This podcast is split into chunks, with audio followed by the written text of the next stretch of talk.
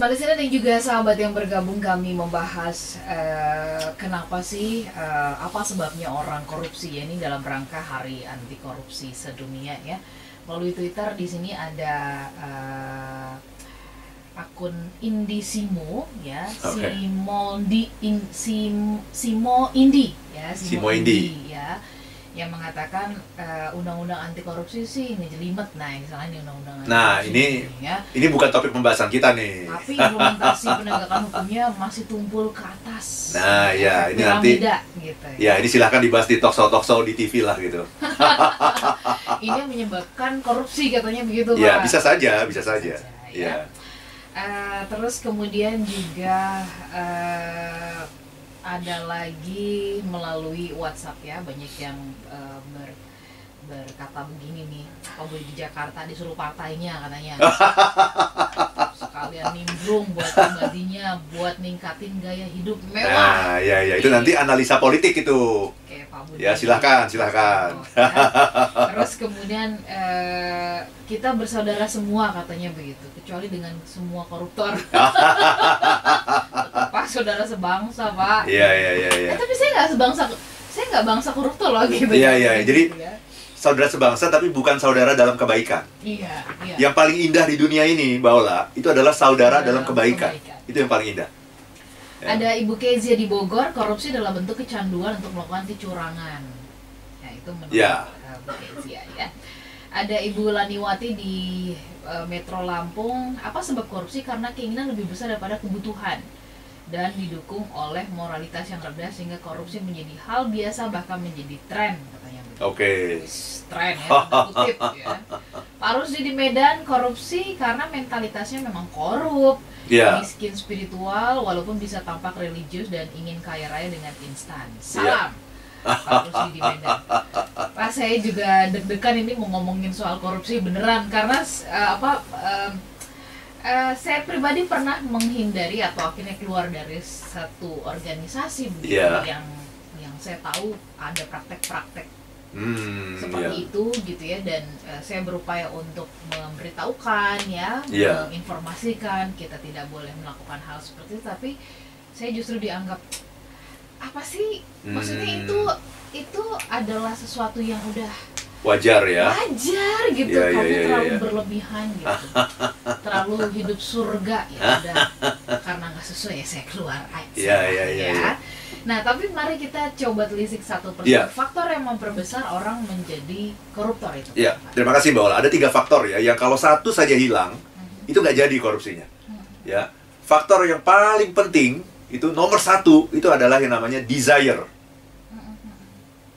gitu ya, keinginan, gitu ya, keinginan untuk eh, punya banyak uang, keinginan untuk hidup kaya, keinginan untuk membeli apa pun yang kita idamkan, keinginan untuk tampil keren dan wah di hadapan orang lain, keinginan untuk pansos, gitu ya, Hmm. panjat sosial, Sosial. gitu ya. Nah itu, itu na- namanya keinginan. Keinginan itu sesungguhnya adalah niat nanti. Keinginan itu menjadi intention, menjadi nawaitunya gitu. Itu namanya ke- keinginan. Tetapi Ola, keinginan tanpa didukung faktor kedua, dia berhenti di situ. Dia berhenti sebagai desire saja. Mhm. Harus ada faktor kedua. Apa itu faktor kedua? Opportunity. Jadi kalau tidak ada opportunity, ya desire tinggal desire saja, keinginan tinggal keinginan saja kalau tidak ada kesempatan. Sehingga saya sering kali mengatakan begini, kan sekarang ini di BUMN nih saya sedang banyak diminta untuk berbicara mengenai akhlak ya di banyak BUMN karena BUMN ini dengan di bawah Pak Erick Thohir ini eh, values-nya itu semuanya sama, semua BUMN. Lebih dari 100 BUMN tuh values-nya sama yaitu akhlak gitu. Mhm. Nah, saya bilang begini, semua orang itu berakhlak. Semua orang itu berakhlak kecuali kalau ada Mhm. kesempatan. Maksudnya? Iya, semua orang itu baik loh. Oke. Kalau tidak ada kesempatan, semua orang itu baik. Kalau tidak ada kesempatan, semua orang itu berakhlak. Semua orang itu berintegritas. Kalau tidak ada kesempatan. Jadi yang membuat orang itu ujian dari setiap orang itu adalah kesempatan. Orang yang pingin mencuri, kalau nggak ada nggak ada opportunity gimana? Baik nggak dia? Mhm. Baik. Tapi dia bisa saja kalau memang dia sudah berniat memang ingin mencuri, dia bisa menciptakan kesempatan. Ya, tapi tidak semua orang kan bisa menciptakan kesempatan kan. Kan ada posisi, ada level juga kan untuk bisa menciptakan Iya, kesempatan artinya gitu. kesempatan itu ada, tapi kan hmm, artinya eh, kalau seperti ini kita kami hitamkan kesempatan nggak sih gitu ya? Karena kan pa- pada akhirnya kan keputusannya dari tangan kita begitu. Betul, betul. Ya, ya makanya keputusannya itu adalah desire itu. Mhm. Jadi faktor pertama itu sudah merupakan keputusan itu, desire itu. Ya, yang namanya niat itu, itu kan kan adalah desire, keinginan gitu. Tetapi keinginan itu tidak pernah akan berbuah kalau tidak ada yang namanya kesempatan. Itu, Mbak. Jadi mau ingin seperti apa pun ya kalau nggak ada kesempatannya ya nggak ada nggak akan berbuah menjadi korupsi gitu. Hmm, pantesan Bang Napi bolak-balik bilang begitu ya. Apa katanya? Kejahatan itu tidak melulu karena ada niat si pelaku, Iya, tapi karena ada kesempatan. betul. Betul. Iya, iya. Tapi dasarnya adalah niat. Karena walaupun ada kesempatan. Kalau dia tidak berniat gimana? Ada kesempatan. Ada banyak loh orang yang punya banyak kesempatan juga karena posisinya, karena jabatannya, tapi dia tidak tidak ingin gitu. Hmm. Tapi kan itu bisa saja muncul nggak sih pas sebaliknya gitu ya? Iya. Eh, nggak niat, tapi kesempatan itu selalu Nah. datang gitu ya. Kan eh, bisa saja ini seperti kayak orang yang punya tembok eh, pertahanan, tapi lama-lama kalau digempur terus dengan kesempatan-kesempatan seperti itu, ya roboh juga gitu. Nah, itulah makanya ujiannya, ujian dari orang itu adalah kesempatan.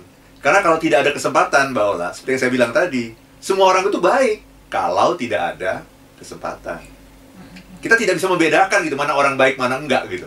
sampai kesempatan itu Sampai kesempatan muncul. Orang yang baik, dia tidak tergiur dengan kesempatan itu. Tapi orang yang memang sudah berniat, ya ya sudah gitu. Bahkan dia juga tidak ada kesempatan pun dia akan mencari kesempatan gitu. Tapi faktor utamanya tentunya adalah desire-nya itu. Jadi kalau desire tidak bertemu dengan kesempatan, dengan opportunity, dia tidak akan membuahkan korupsi. Hanya tinggal dalam desire saja angan-angan. Wah, coba ya kalau saya bisa korupsi. Gitu. Hmm. Tapi tidak akan berbuah menjadi sebuah korupsi. Wah, nggak ada kesempatannya. Dan banyak juga mungkin orang yang seperti itu gitu karena posisinya sangat di bawah gitu ya dia tidak nggak ada kesempatannya gitu. Sehingga dia hanya bercita-cita bermimpi untuk menjadi orang yang kaya gitu. Tetapi ketika ada kesempatan nah itu kan.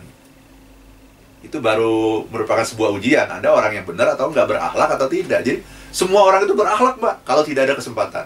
Semua orang itu berintegritas kalau tidak ada kesempatan. Semua orang itu baik beriman kalau tidak ada kesempatan gitu.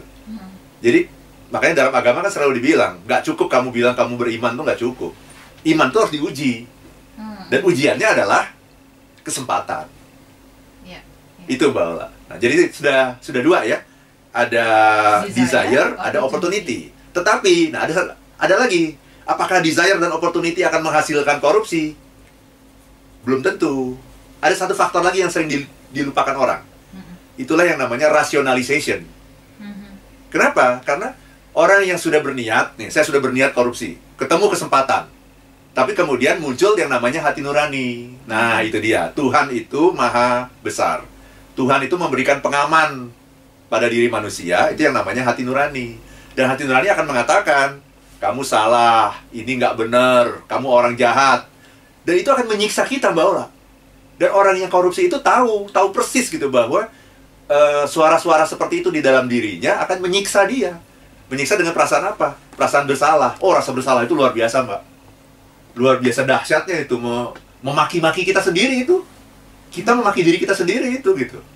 Dan tidak akan bisa bahagia. Nah, karena itu tidak cukup, Mbak. Sudah ada desire, sudah ada opportunity, tidak serta-merta menghasilkan korupsi. korupsi. Dia harus me- membuat yang namanya rasionalisasi dulu. Hmm. Toh Gitu. kan semua orang juga melakukan. Nah, gitu ya itu. Eh, toh ini juga ini kok eh, demi menyelamatkan ini. Betul, iya. Ini kan juga untuk keluarga. Anak-anak saya kan perlu sekolah. Oke. Itu rasionalisasi. Yang akhirnya karena rasionalisasi itu, maka suara hati nurani itu jadi ditutup. Gitu. Jadi cara menutup hati nurani itu dengan cara rasionalisasi. Eh, Itu, toh, toh saya juga nggak melakukan ini sendiri kok ya. Betul. Nggak, Toh ini juga nggak. seberapa. Coba seberapa. lihat tuh orang-orang itu kan jauh lebih besar. Ini kan nggak seberapa. Mm, mm, mm, mm. Ya, Nah, itu, ini, itu, ini, itu. ini ini juga tim kok yang mengerjakan. Ini juga kan demi tim nih. Soalnya kita emang budget kita kurang. Kalau bukan dari sini dari mana lagi? Iya iya betul betul. Kemarin juga yang dikeluarkan juga gede banget lagi. Betul. Gitu ya, perlu diganti. Atau mungkin penghasilan saya kurang. Ini kantor ini tidak adil, tidak fair. Masa komisi saya cuma segitu misalnya? Saya kerja udah 36 jam sehari loh. Nah, iya. Terus nggak ada tambahan. Ya nggak apa-apa lah sedikit. Toh ini juga kan tidak berlebihan gitu kan. Sekedarnya saja. Dan ini juga buat kepentingan semua. Ada loh orang-orang yang yang mengatakan seperti itu gitu bahwa ini eh, Pak eh, nanti kalau Bapak jadi pembicara di sini, ini tolonglah bantu bantu kita ini untuk menyediakan budget nanti gitu. Mm, mm, mm. Ini bukan buat siapa-siapa, ini untuk tim tim kita sendiri. Nanti kalau ada yang sakit, kita pakai dari budget itu gitu. Mm, mm, mm, Misalnya begitu. Jadi itu merasionalisasikan. Dengan merasionalisasikan itu, maka rasa bersalah menjadi tertutup. Oke. Gitu. Nah, tanpa adanya rasionalisasi ini, desire dan opportunity saja tidak akan membuahkan korupsi. Kenapa? Karena orang juga tidak mau diliputi rasa bersalah. Karena tadi tujuan dari korupsi sesungguhnya adalah untuk bahagia. Betul. Nah, kalau dia feeling guilty, dia tidak akan bahagia, akan dikejar-kejar dosa. Nah, itu berusaha dia tutupi gitu. Mm, mm. Dia cari dengan rasionalisasi. Pak Arfan yang menarik eh, gini, eh, dari mana sih asalnya gitu ya? Eh, kenapa kebanyakan kita ya eh, menganggap bahwa kebahagiaan itu selalu diukurnya adalah dengan banyaknya uang begitu? Iya, Apa karena kalau ya kalau banyak uang tentu kita bisa memiliki banyak hal betul ya. ya. Eh, bisa juga mungkin ya ke mana-mana gitu ya punya fasilitas jalan-jalan dan sebagainya. Itukah asal muasal sehingga orang eh, berpikir atau membandingkan menyandingkan kebahagiaan dengan banyaknya uang? Nanti kita bahas ya Siap, Pak, posisi ya. yang terakhir ya. Smart listener dan juga sahabat yang bergabung masih ada satu kesempatan lagi untuk anda pergunakan kesempatan pagi hari ini ya untuk eh, berbincang bersama dengan kami. Apa sih sebab korupsi menurut versi anda? Bisa dikirimkan ke 0812 11 12 959 dan Anda juga bisa pergunakan Twitter kami karena nanti kami akan pilih ya melalui Twitter yang eh, memberikan pendapatnya kami akan berikan eh, voucher dari Gramedia. Kami jeda sesaat. Smart listener dan juga sahabat yang bergabung, kita sampai di penghujung ya eh, pembahasan kita apa sebab korupsi ini gitu ya. Ujungnya kita ingin tentu menyiapkan diri kita, mengingatkan kita semuanya begitu ya Iya, uh, tentang uh, potensi korupsi ini tuh besar banget ada di mana-mana begitu Betul. dan uh, Indonesia di dalam daftar uh, korupsi Iya. itu boleh dibilang masuk negara uh, yang ya ya besar lah ya menengah sih sebetulnya. meneng posi- posisinya posisi 10 besar kalau tidak salah Iya, gitu iya, ya iya, iya. kan itu sebuah prestasi kejahatan kan yang kita harus bersama-sama bahu membahu untuk memberantas ini Iya. ya ibaratnya seperti itu Pak Helmi eh, bergabung bersama kita pagi hari ini. Eh, kalau menurut saya sebabnya hanya dua faktor saja begitu ya. Sepakat bahwa terjadi kor- terjadinya korupsi bertemunya dua faktor niat dan faktor kesempatan atau peluang. Salah satu faktor tidak ada maka tidak akan terjadi korupsi. Itu menurut eh, apa eh, analisanya Pak Helmi ya. Terus kemudian eh, oke maka adanya disiplin anggaran desa untuk mempersempit peluang atau kesempatan terjadinya korupsi. Ya ini juga yang digembar-gemborkan atau di eh, terus dipush ya oleh Ya. Kementerian Keuangan ya pemerintah dan sebagainya. Pak Pramudia di Malang eh, bagaimana caranya menajamkan rasionalisasi hati nurani agar terhindar dari sikap korupsi? Ya, Tuh, gimana tuh supaya eh, hati nurani kita alarmnya kenceng terus gitu ya? Jadi kita ya. terhindar dari korupsi nanti Pak Arfan jawab saya jumpai dulu ada Mbak Putri di Pontianak. Korupsi rasa nggak puas yang bermuara dari nafsu dan keserakahan. Hingga seseorang sanggup melakukan apa pun demi menuruti hawa nafsu gitu ya. Eh, baginya halal haram hantam aja gitu. Itu Iya. nggak masalah katanya ya. Ya, dan hati nuraninya sudah dihiraukan sudah ya.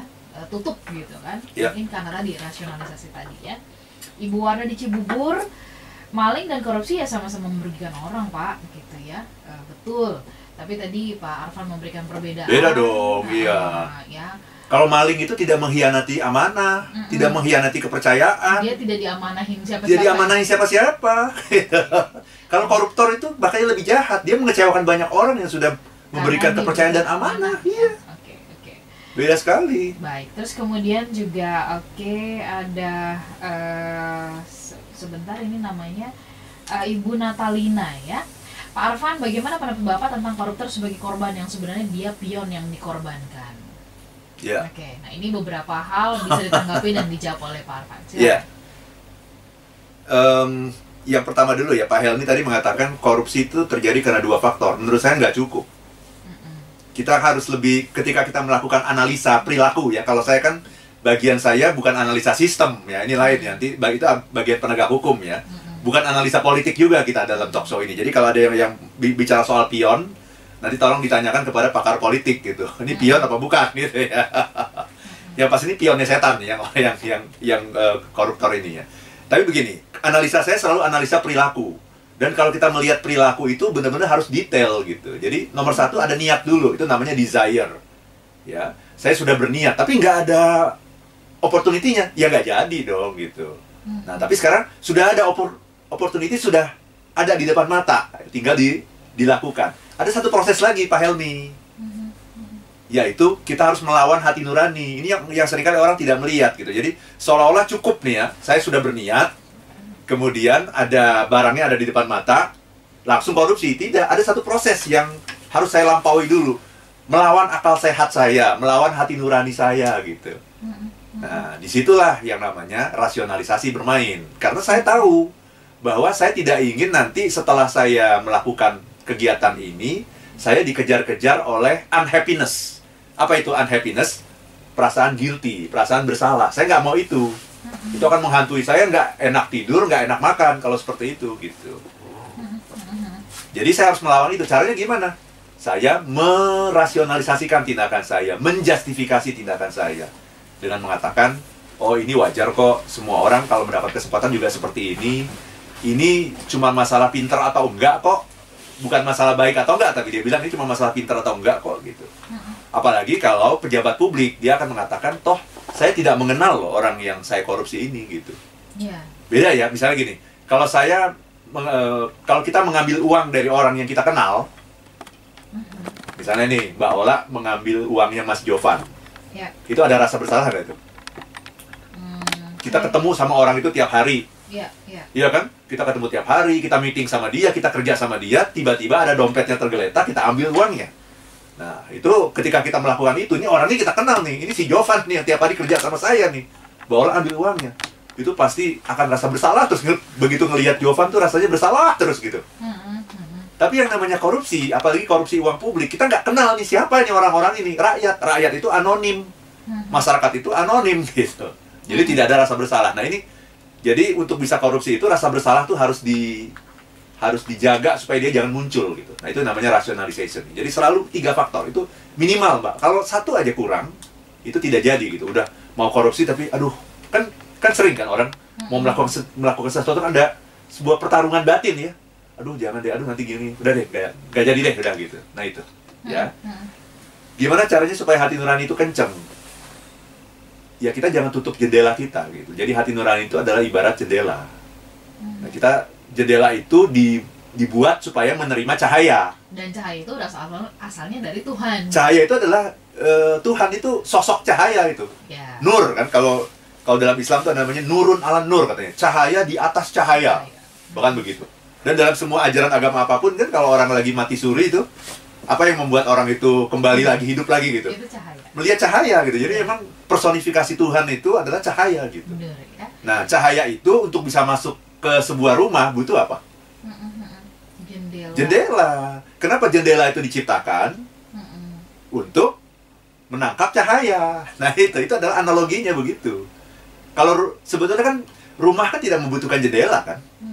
Iya kan cukup kan? Nggak, nggak ada jendela juga bisa bikin rumah kan? Mhm.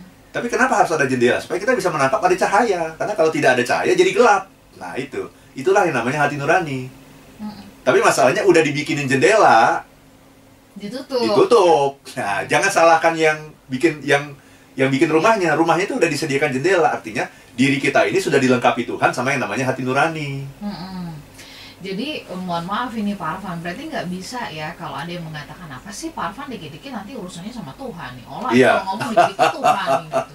Nggak bisa ya Pak Arfan, kita memang harus selalu terhubung ya. Terhubung karena memang kita yang ngirim kita siapa? Yang ngirim kita siapa? Iya juga sih. Iya kan? Iya, iya. Saya saya bingung kalau misalkan ada yang mengatakan apa sih bisnis ngomonginnya ujung-ujungnya ada kaitannya sama Tuhan. Bikin Iya. usaha, bikin ini bekerja urusannya dikit-dikit sama Tuhan. Kayak kayak kita manggil Gojek misalnya gitu ya. Mm-mm. Kayak kita manggil Gojek. Gojek itu harus ikut sama yang Mm-mm. mengirim dia kan? Betul. Ini tolong kirim barang saya. Ya udah kalau dia nggak meng- mengirim ke tempatnya ya salah dong berarti dia. Mm-mm. Jadi kita harus selalu terkonek dengan yang ngirim kita. Iya, iya, iya. iya. Itu kan? Jadi kalau ada yang mengatakan apa sih dikit-dikit bawa-bawa Tuhan, iya nggak bisa lah yang ngirim. Betul, siapa? yang ngirim siapa gitu. Nah itu, jadi ini caranya untuk uh, menata hati nurani ya. Ya. Dan kita juga emang pen- pendidikan kita ya. Ini saya kagum sekali dengan uh, pendidikan misalnya di di Skandinavia itu ya. Mm-mm. Itu negara-negara kayak Norwegia, Denmark ya itu kan saya juga pernah cerita di uh, Smart Happiness ini kan. Uh, dia dilakukan percobaan ya. Uh, orang uh, di apa, apa ada, ada uang dalam uh, dompet gitu. Jadi dompet itu ditaruh di sembarang tempat gitu. Di dalam dompet itu ada uang 50 US dollar. Kemudian ada kartu nama di situ dan ada nomor telepon si pemiliknya.